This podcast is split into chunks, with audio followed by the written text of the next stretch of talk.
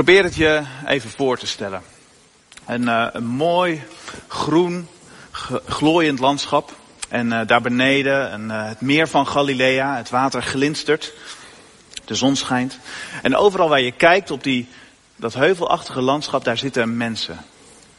Jong, oud, arm en rijk. Vrome mensen en zondaars. En één ding hebben ze met elkaar gemeen. Ze zijn nieuwsgierig wat die, die rabbi Jezus, die leraar uit Nazareth, wat hij te vertellen heeft. En als hij begint te spreken, dan, dan tintelt de lucht. Ieder woord tilt mensen uit. Boven hun dagelijks leven. Ook boven de politieke spanningen. Die er ook toen hingen. Wat hij zegt is zo anders. Wat hij zegt is zo nieuw. Het is alsof hij dwars door hen heen kijkt en hun diepste duisternis ziet. En tegelijkertijd dat zijn woorden troosten.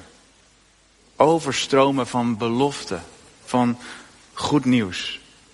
Hij opent de deur naar het koninkrijk van God. Naar een gloednieuw leven. Naar ware vrijheid. Daar zijn we. En wij schuiven halverwege aan bij wat veel christenen de belangrijkste preek van Jezus noemen. De bergreden. We lezen daar een stukje van in Matthäus 6. Matthäus 6, vers 19 tot 24. Jezus zegt, verzamel voor jezelf geen schatten op aarde. Mot en roest vreten ze weg en dieven breken in om ze te stelen. Verzamel schatten in de hemel. Daar vreten mot nog roest ze weg. Daar breken geen dieven in om ze te stelen. Waar je schat is, daar zal ook je hart zijn. Het oog is de lamp van het lichaam. Dus als je oog helder is, zal heel je lichaam verlicht zijn. Maar als je oog troebel is, zal er in heel je lichaam duisternis zijn. Als het licht in jezelf verduisterd is, hoe groot is dan de duisternis?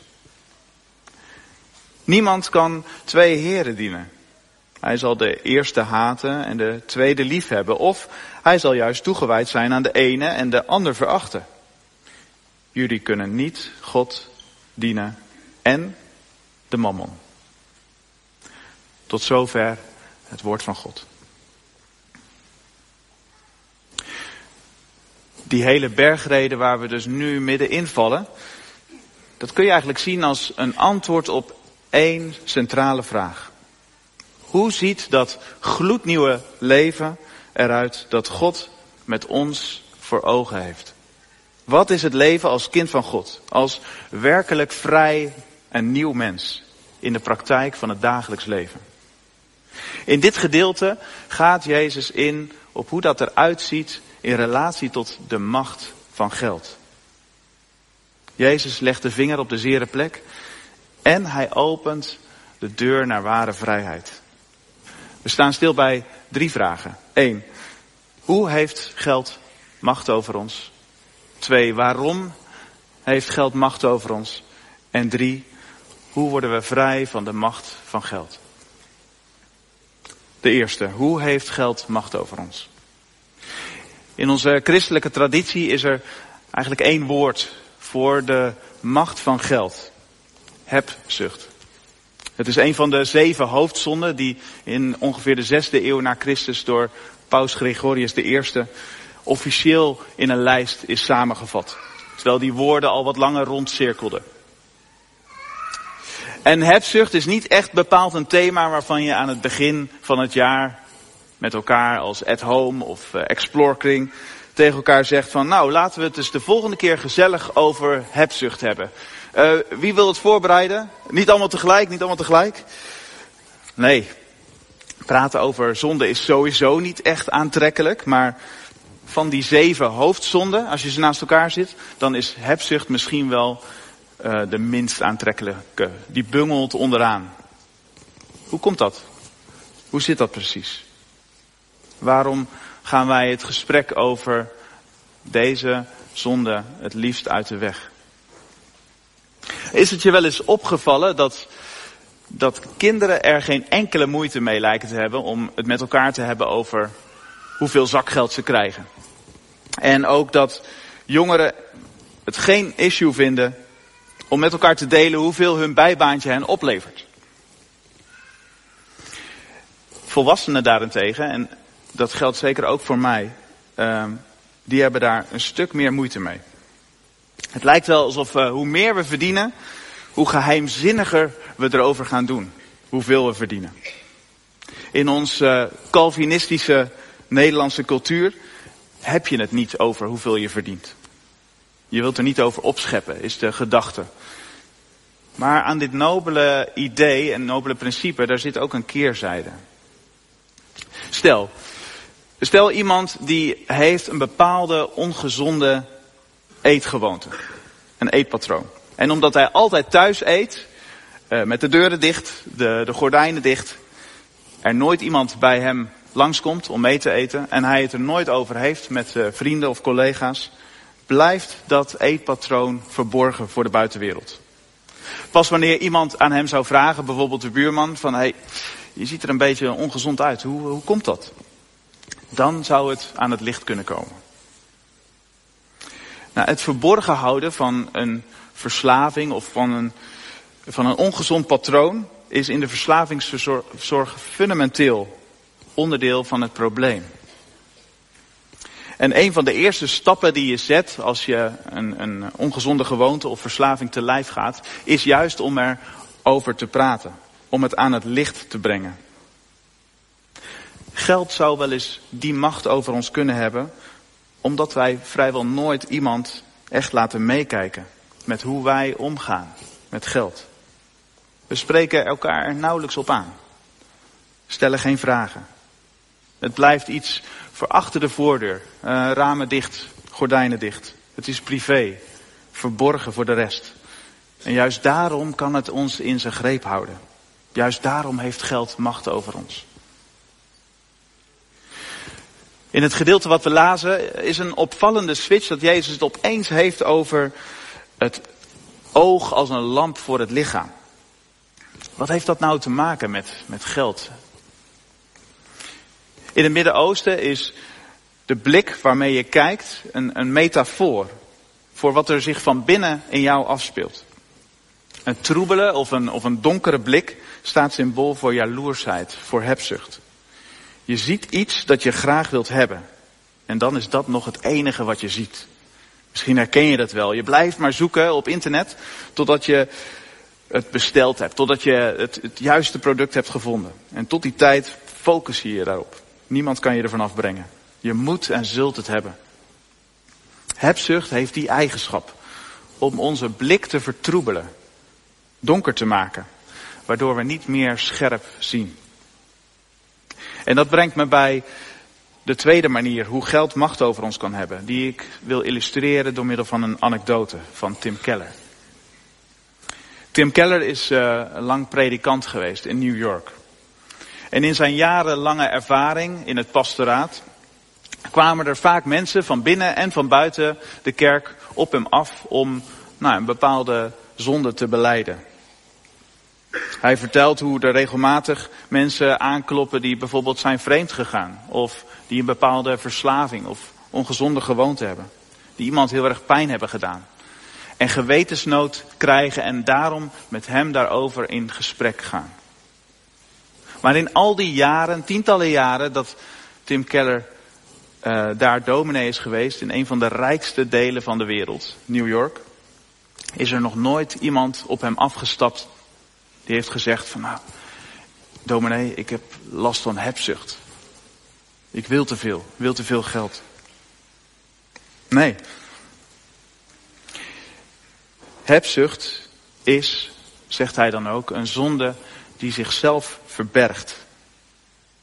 Er is namelijk altijd nog wel een, een buurman of een, of een vriend of een collega of een familielid die meer verdient dan mij. Iemand die in een onnodig dure auto rondrijdt. Of die echt over de scheef is gegaan bij uh, die uitbouw of dat nieuwe huis. Met mij valt het wel mee. Geld heeft die eigenschap om onze blik te vertroebelen, te verduisteren. Het is lastig voor onszelf om te zien in hoeverre wij daar zelf last van hebben. Dus hoe heeft geld macht over ons? Nou, we houden onze omgang privé met geld. Het komt niet aan het licht. En omdat we geneigd zijn om onszelf te vergelijken met mensen die luxer leven, die meer verdienen, maken we onszelf al snel wijs dat het met ons wel goed zit. Ik maak het nog even wat concreter met een aantal voorbeelden. De macht van geld kan namelijk ook je opleidingskeuze en je beroepskeuze ingrijpend beïnvloeden. Verdient het wel genoeg? Dat is geen onschuldige vraag. Het zou zomaar eens de reden kunnen zijn voor het personeelstekort in de zorg en in het onderwijs. En het lijkt alsof vooral mannen en jongens daar extra gevoelig voor zijn, want die zijn daar steeds minder te vinden.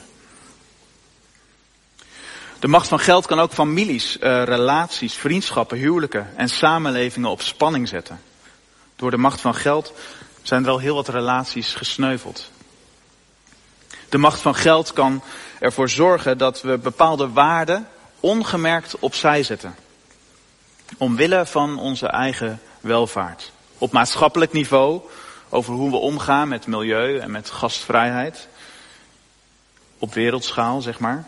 Maar ook in het klein. Als wij voor de schappen staan, of als ik voor de schappen sta in de supermarkt en moet kiezen tussen duurzaam of goedkoop. Dan opeens lijken die principes als sneeuw voor de zon te smelten. Dus ons eerste punt is hoe geld macht over ons heeft. En het tweede, maar waarom heeft geld macht over ons?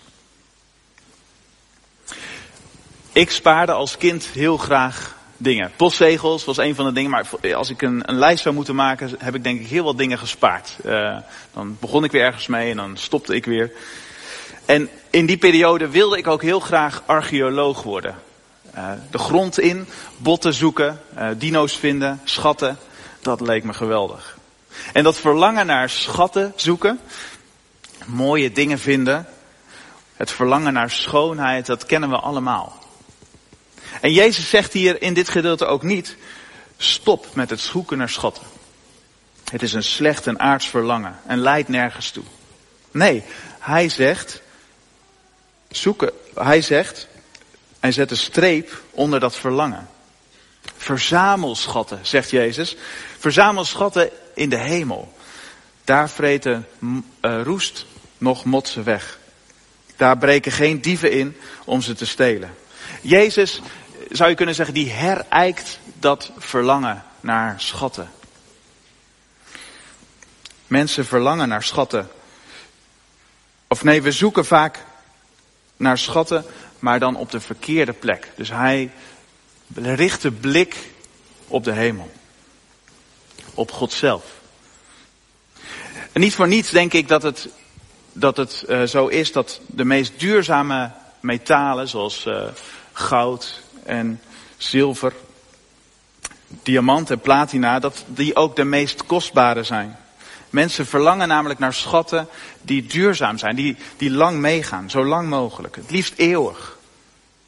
En dat is ook wat Jezus bedoelt met schatten in de hemel. Hij heeft het niet over een soort hemelse depositorekening die je pas gaat uh, innen als je daar bent of als je, als je dit leven verlaat.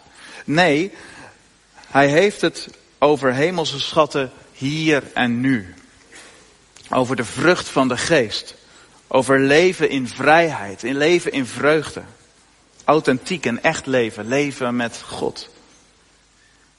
Dat gloednieuwe leven wat Jezus op het oog heeft, dat gaat over de juiste prioriteiten stellen. In het licht van de eeuwigheid, in het licht van het leven met God. In het evangelie van Lucas, in hoofdstuk 11, komt er op een gegeven moment een man op Jezus af.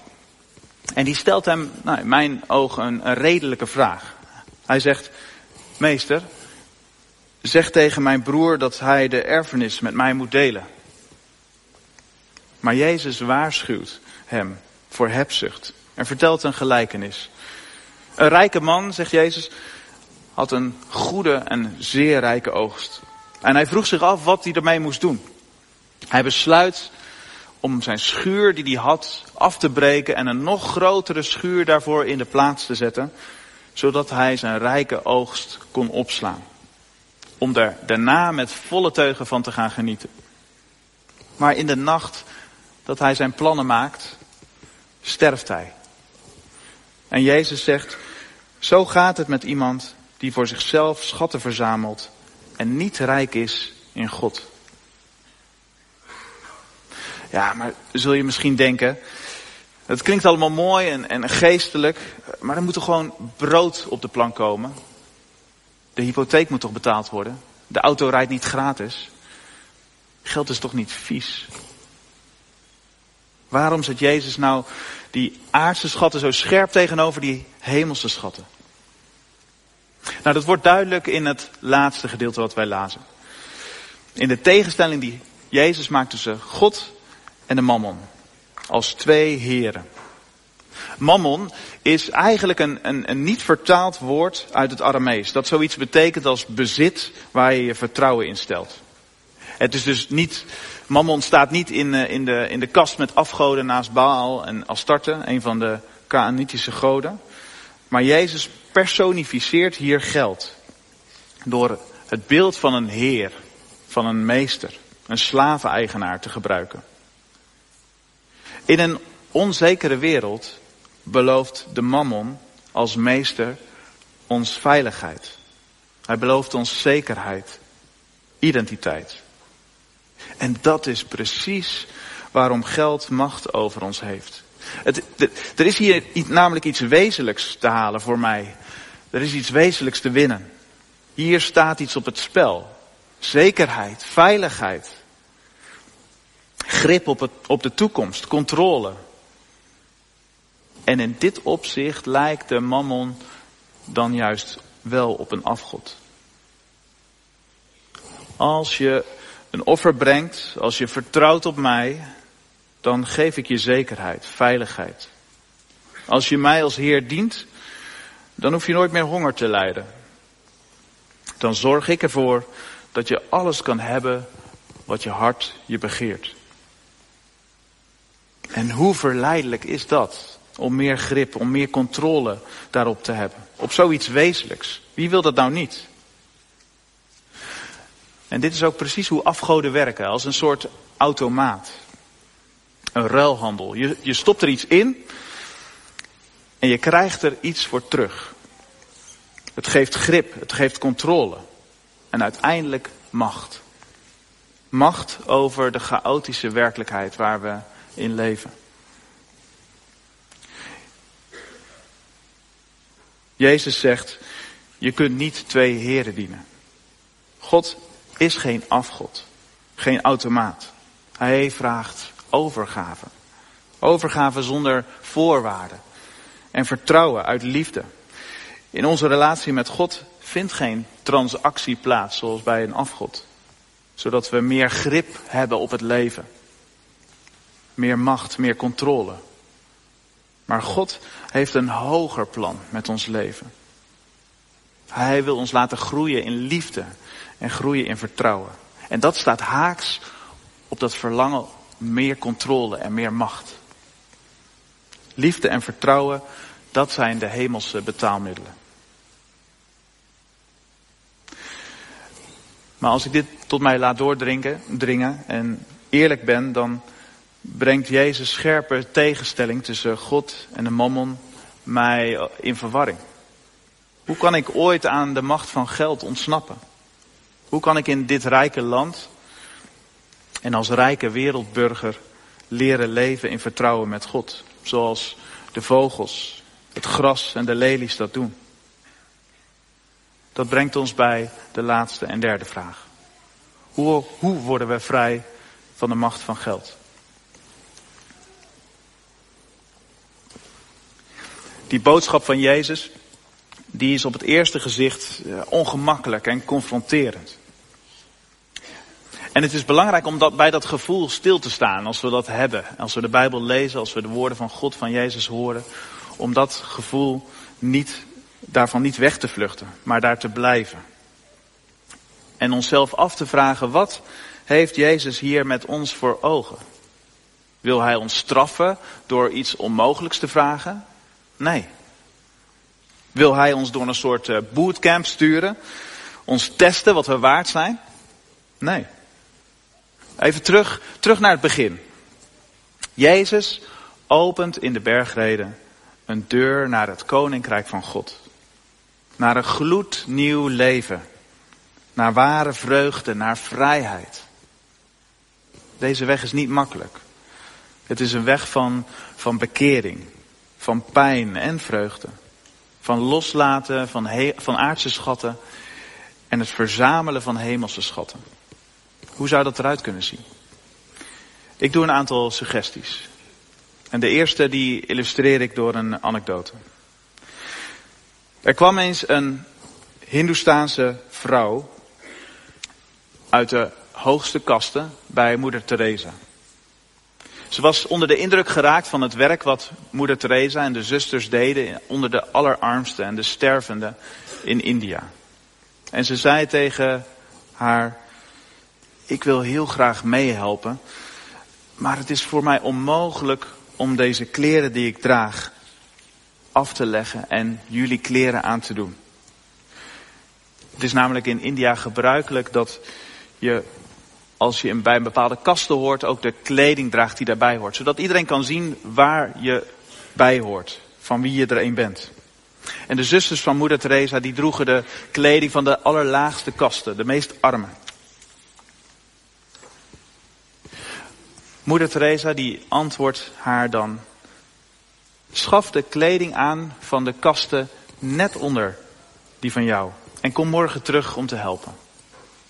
Dat deed de rijke vrouw. En ze vond gaandeweg zoveel vreugde in het dienen, dat ze uiteindelijk bereid was om ook de kleding van de zusters van moeder Teresa te dragen.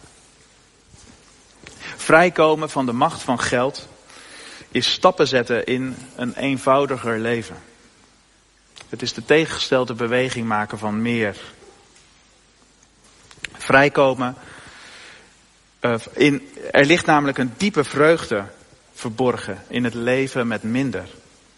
Die elke eeuw eigenlijk weer opnieuw wordt ontdekt. In het verleden vaak door monniken die daarover schreven en dat voorleefden. Maar tegenwoordig kun je zelfs Netflix aanzetten en daar zijn hele documentaires over minimalisme, over ontspullen. Leven met minder betekent namelijk meer leven uit vertrouwen. Dat was de eerste. De tweede suggestie om vrij te komen van de macht van geld is om de tegenovergestelde beweging te maken dan hebzucht.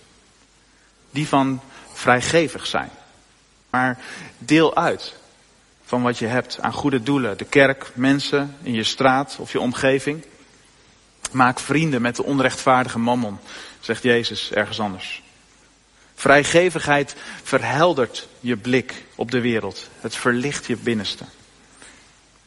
En laat ieder geven zoals hij in zijn hart voorgenomen heeft. Niet met tegenzin of met dwang, maar want God heeft de blijmoedige gever lief. Zoals Paulus dat zegt in 2 Korinthe 9 vers 7. Mijn derde en laatste suggestie is een spannende. Geef eens iemand die je vertrouwt een inkijkje in wat je verdient en wat je uitgeeft. Of doe dat bij elkaar. Laat eens iemand anders met je meedenken. Voordat je bijvoorbeeld een grote uitgave doet, een grote stap geeft en vraag om advies. Wat vind jij ervan? Hoe kijk jij hier tegenaan? Het is niet echt onze cultuur, maar het kan helpen om, dat, om zeg maar de, de verblinding die geld kan hebben op ons leven, om die te doorbreken. Zo breng je namelijk dingen aan het licht en geef je de duivel geen kans om je ogen te verduisteren voor je eigen hebzucht. In de bergreden, zo begonnen we, opent Jezus een deur. En die is hij allereerst zelf doorgegaan. Die heeft hij zelf voorgeleefd. Hij werd arm omwille van ons. Hij deed afstand van zijn hoge staat en kwam onder ons wonen.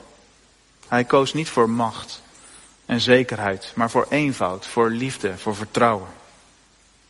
En tijdens de laatste verzoeking die hij in de woestijn doormaakte, liet de duivel Jezus alle koninkrijken op deze aarde zien. In hun heerlijkheid. En hij beloofde Jezus, als je voor mij knielt, dan zul je dit allemaal krijgen. Hebzucht. Maar Jezus weigerde. En hij zei, ga weg Satan. Want er staat geschreven, de Heer uw God zult u aanbidden en hem alleen dienen. Deze weg van overgave aan God, vertrouwen op hem, heeft hij tot aan het kruis voorgeleefd. En daarom heeft God hem hoog verheven. En in hem, en hem de naam geschonken boven alle namen. Hij is zelf die hemelse schat die God ons heeft geschonken. En die wij mogen zoeken en mogen ontvangen. Mogen de Heer die ons is voorgegaan ons de moed geven om hem ook hierin na te volgen. Mogen Hij in ons het verlangen aanwakkeren naar de vreugde en de vrede van het gloednieuwe leven met Hem. Amen. Laten we samen bidden.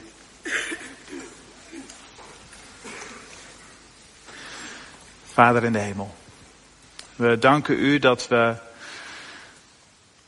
bij U mogen zijn, naar Uw woorden mogen luisteren.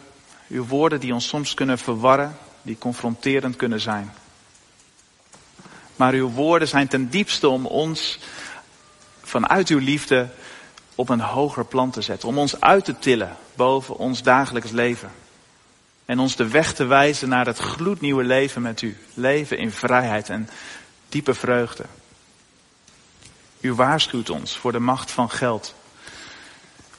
En we kijken, als we om ons heen kijken in dit land waarin we leven, dan zijn we daarmee rijk gezegend. Maar het is niet alleen een zegen, het is ook een, een verleiding.